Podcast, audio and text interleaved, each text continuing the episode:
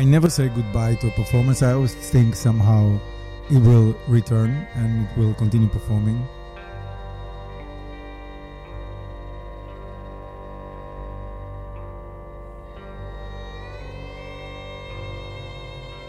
My name is Guy Weizman and I'm the artistic director of uh, the North Netherlands Toneel and Club Roni and I directed New World.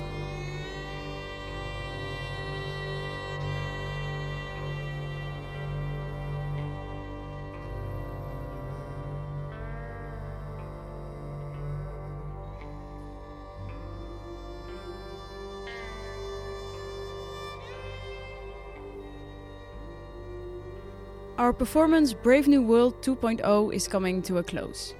We take on every opportunity to dwell on it just a little longer, and we hope you want to do that as well after you've seen it. And therefore, we made this farewell episode that is also a behind the scenes, how it's made type of thing. If you're interested in the music and it keeps playing in your head, you will love this because we dive deep into the process of composing and performing it and we asked some of the cast and crew to elaborate on their favorite moments in the rehearsal process.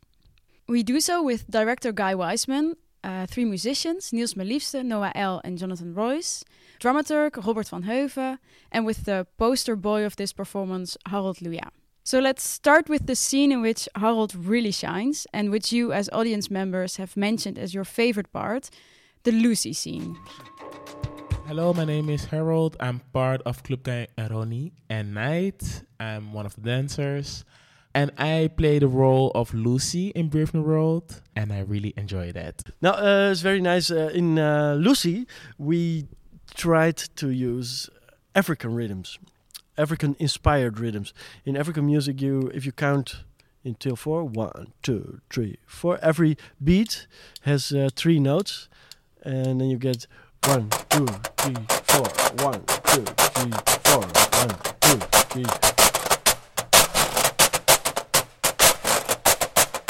So this kind of rhythms are in there. Uh, it's called a 12-8 bar, uh, and that um, yeah that matched very well with the movements uh, Harold was making for his choreography. So you started with the choreography instead of with the music. How uncommon is that? Well, it just depends what is there first. So uh, sometimes uh, things uh, exist at the same time. In this case, there was already a choreography for this, and yeah, we were looking. Okay, with all the instruments that we have, what are we going to use for this to make it uh, work? I move a little bit to the kick drum that I play here with my foot, so then then I can make uh, a full beat.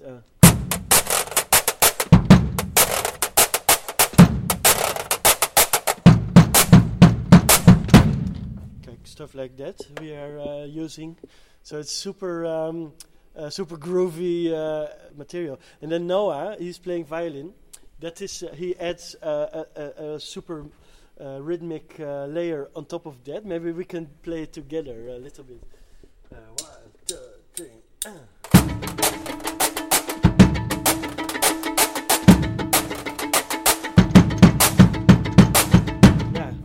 So, how authentic is it to combine the violin with instruments like washboards and spoons? Well, it's pretty authentic to use the, the washboards with the fiddle. Uh, it's it's it's American folk music. Um, it's well inspired on and well the early American folk music. So in this uh, this uh, this style of music, there's uh, been uh, used a lot of the the percussive instruments together with uh, the, the, melody instruments. I'm a, a, violinist, but I play the fiddle here, and the difference between those is, is the violin is really a classical instrument, and you play it really um, uh, built on the classical works, and also uh, play it on the way that you can uh, really uh, perform with a huge orchestra behind your back and uh, give uh, give the power to the audience. Um, but the fiddlers in America, they they would uh, just play for themselves, sit together, play in parties, uh, and and it is much more in a in swinging and more rhythmic way and really folk music. You, you, see the lightness in it also, and it, it is both very virtuosic because I I, I think playing the fiddle is, is very specific, and you have to to groove, you have to swing that, that's why we also uh, need something like a washboard um, or any other uh, rhythmical instruments to make the people dance.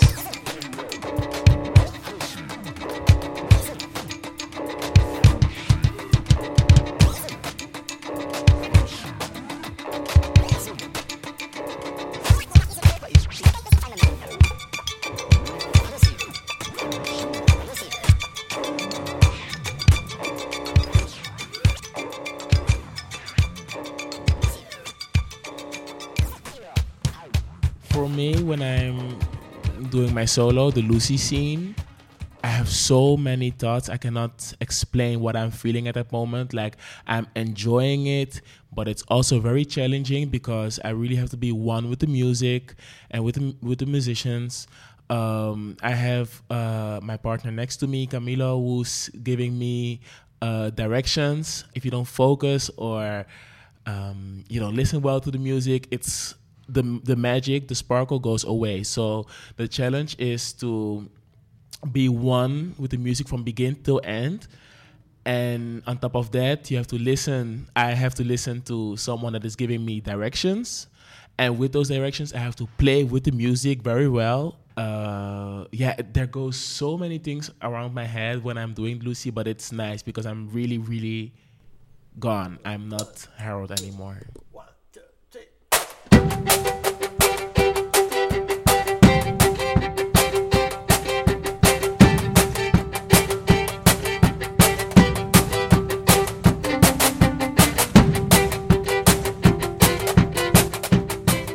My favorite part uh, in the performance of the music, uh, also uh, one of the strong uh, things uh, besides Lucy, is I think uh, the, the party scene.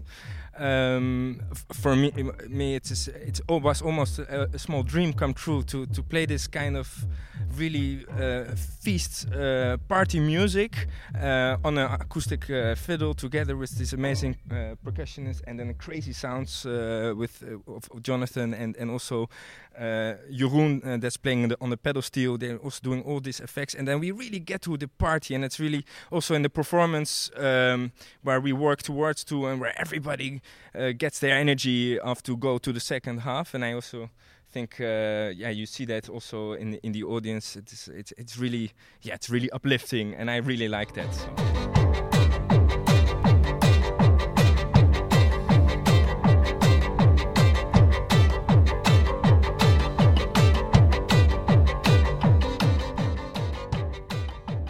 This piece also how it was composed it had a very nice build up actually of how it came to existence.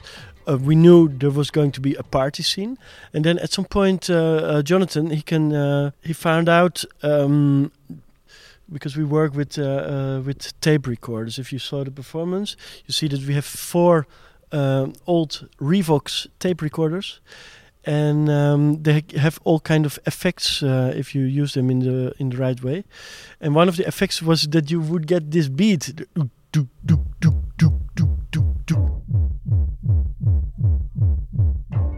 Um, maybe Jonathan can uh, explain a bit uh, in more in detail how to get that effect, but that became the basis for this whole party scene. So that tempo, that beat, uh, and everything around that, yeah, that evolved came basically from that. As Niels was saying, when we were working on the party scene, well, we we knew that we wanted to have some kind of beat, uh, kind of like a thumping beat.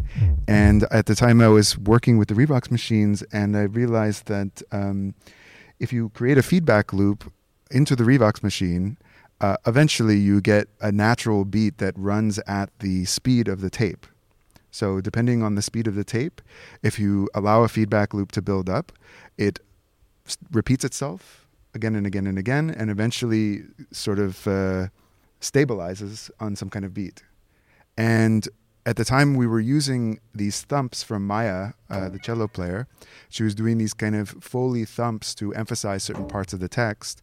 And I thought, well, it would be really nice to use these Foley thumps as the basis for kicking this feedback loop into gear. So I'm going to uh, just show how you can what this sounds like, making this feedback loop from uh, literally no input. You might call this no input mixing. The one of the Revox machines is recording, and what it's doing is it's recording its own output.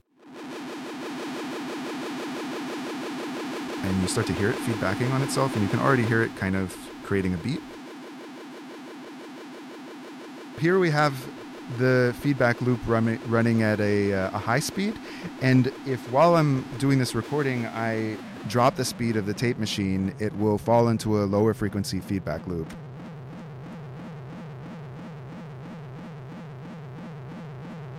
And then if you pump this enough, you start to get something that sounds like a techno beat or uh, the kick of a techno beat. And so that is a very specific speed, a specific BPM. And this can also be changed because on this particular model, there's a speed adjustment. Yeah, so with that, we were able to construct the uh, original beat for the this party scene.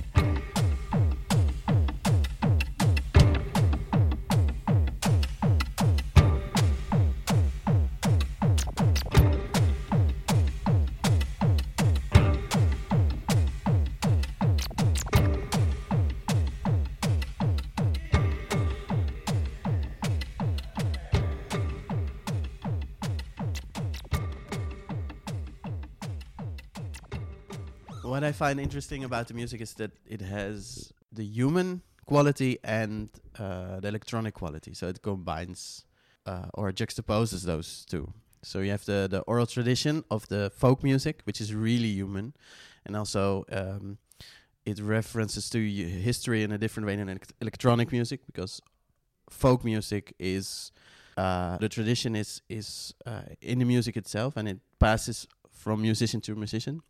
So it is really human.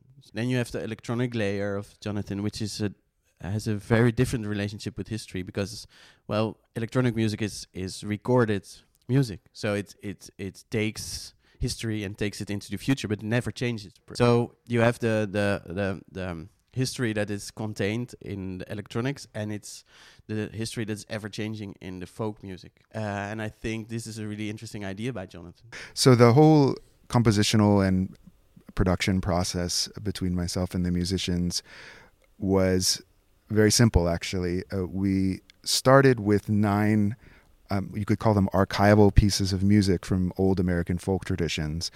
And the concept was to sort of re- rearrange reimagine these pieces of music um, through contemporary technologies and through contemporary traditions, and also the, the traditions that everyone in this ensemble brought to the table. So, for example, Noah, you know, he says he's classically trained, but also deeply involved in Eastern European gypsy um, music. Maya is also classically trained. Jeroen is comes from a jazz background, but he's also really, really interested in kind of mid 1900s, uh, like 1950s country music.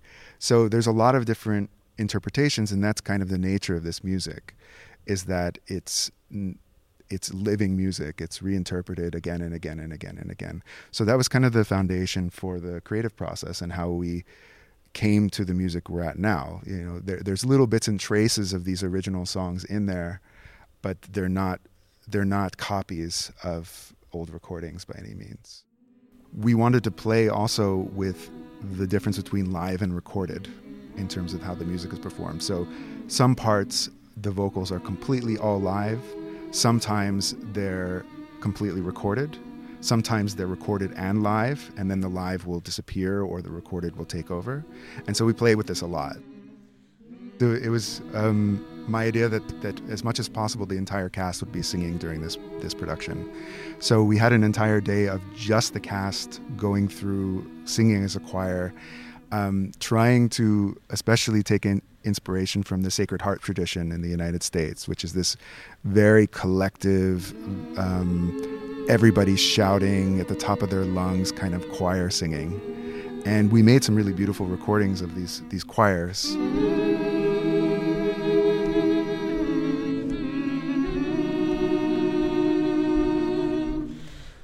The Moors so bravely stand with the weapons made by men we must trust and use the weapons of prayer.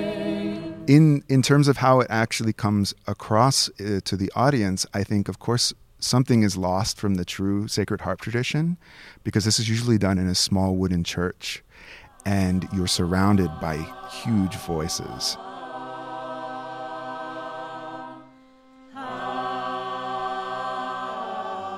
It's notoriously impossible to record this sacred, harp experience.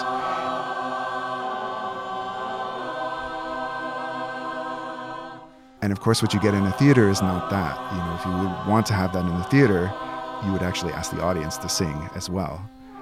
Um, but uh, I wanted to do that actually, yeah. But Guy was uh, he was really scared of the idea of audience participation. He had tried it in past productions, and um, yeah, he wasn't super comfortable doing that. So so we didn't do that. But during the open rehearsal that we did uh, back in December, we had the audience actually make the music with us, and that was a really beautiful moment. Voice is super important in the music of this play.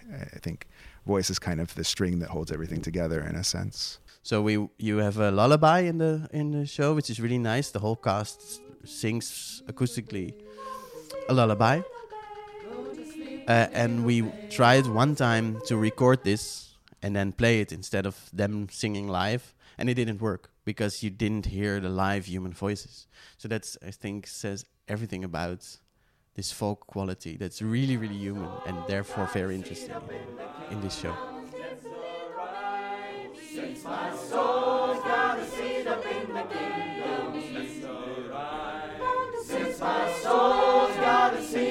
My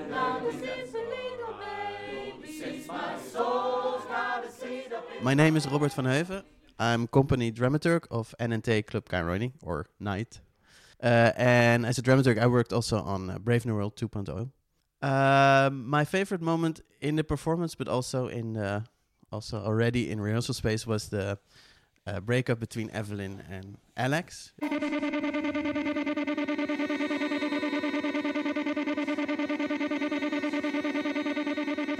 Because well you find out in that scene or actually the scene before that evelyn the lover of alex is actually an android. Uh, but still in this scene when when they break up you really really feel for evelyn. And you really go with her because she's also losing the love of her life. And while we read it the first time in the in the rehearsal space it really struck me that you could feel so much for someone that you just a moment ago heard for from that she is an android that she's not even alive. So that really sums up the whole performance for me actually. That you can feel for something feel love or empathy for something that isn't even real. The good thing about the the, the text uh, that rick wrote is that you can interpret the um, relationship between Evelyn and Alex as betrayal because Evelyn is programmed to get Alex uh, to get Alex to be better at her work, and if that means that they have to fall in love, then that's she's programmed to do because that's the way to get Alex uh, to perform most efficiently. So you can see it like that, that, but Rick wrote it so clever that you can also see, think that she really means it, that Evelyn really is in love with Alex, and I think the um, this ambiguity makes it such a beautiful scene. So you can really believe, if you want to, that uh, Evelyn is really in love with Alex, that she's really hurt. But if you're a more cynical person, or there's al also the layer of doubt, is is this really real? Is, is she really in love? Is she just saying this? Maybe it's betrayal, maybe it's real love, but still I feel for her.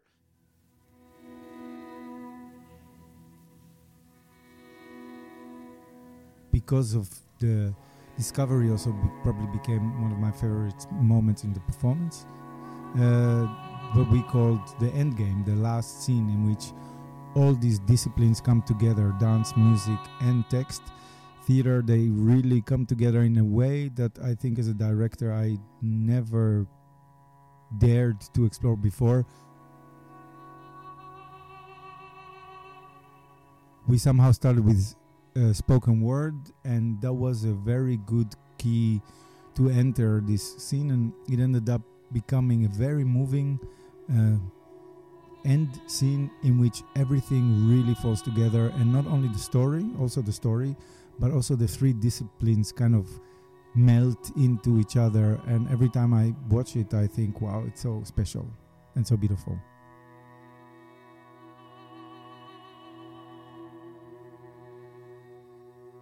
I knew that I wanted uh, musicality to lead us to the end of the story.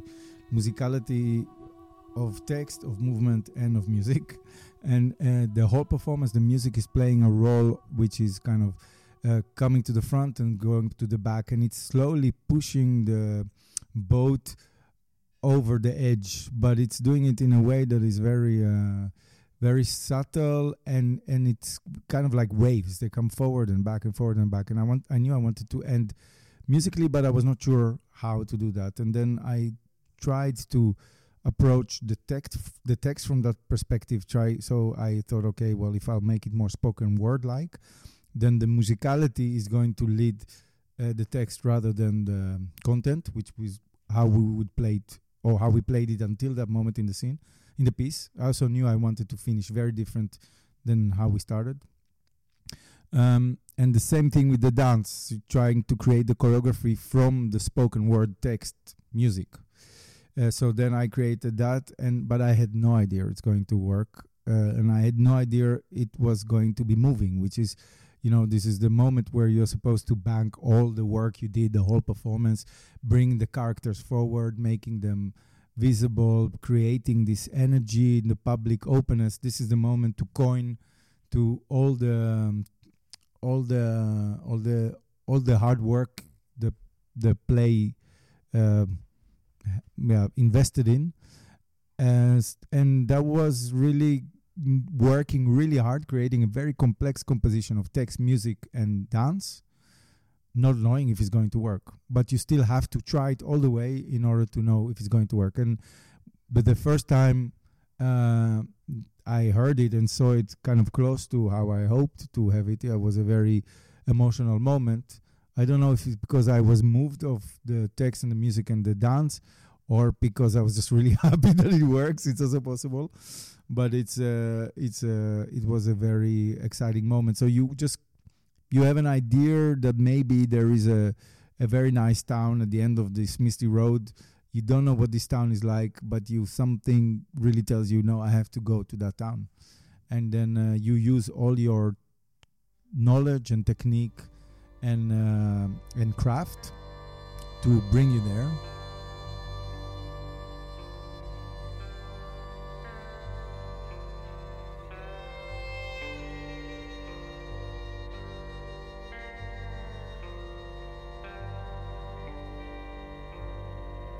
Um, I think what I will miss the most, obviously, are the, the people that are in this performance. Um, but I will also miss this um, fantastic feeling that people really wanted to see this performance, this interest and the generosity of the public is uh, something I think I would definitely miss. It's a performance that landed uh, in a, the right moment, in the right time, and somehow the the zeitgeist all of a sudden was like the spirit of the time was really uh, interested in what we had to say, and that's a very nice feeling.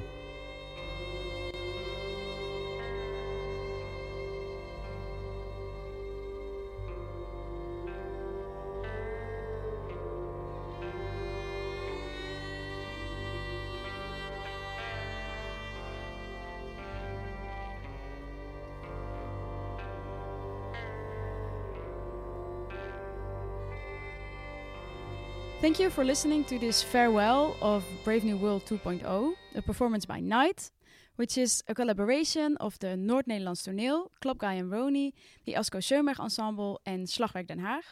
And it was directed by Guy Weizman.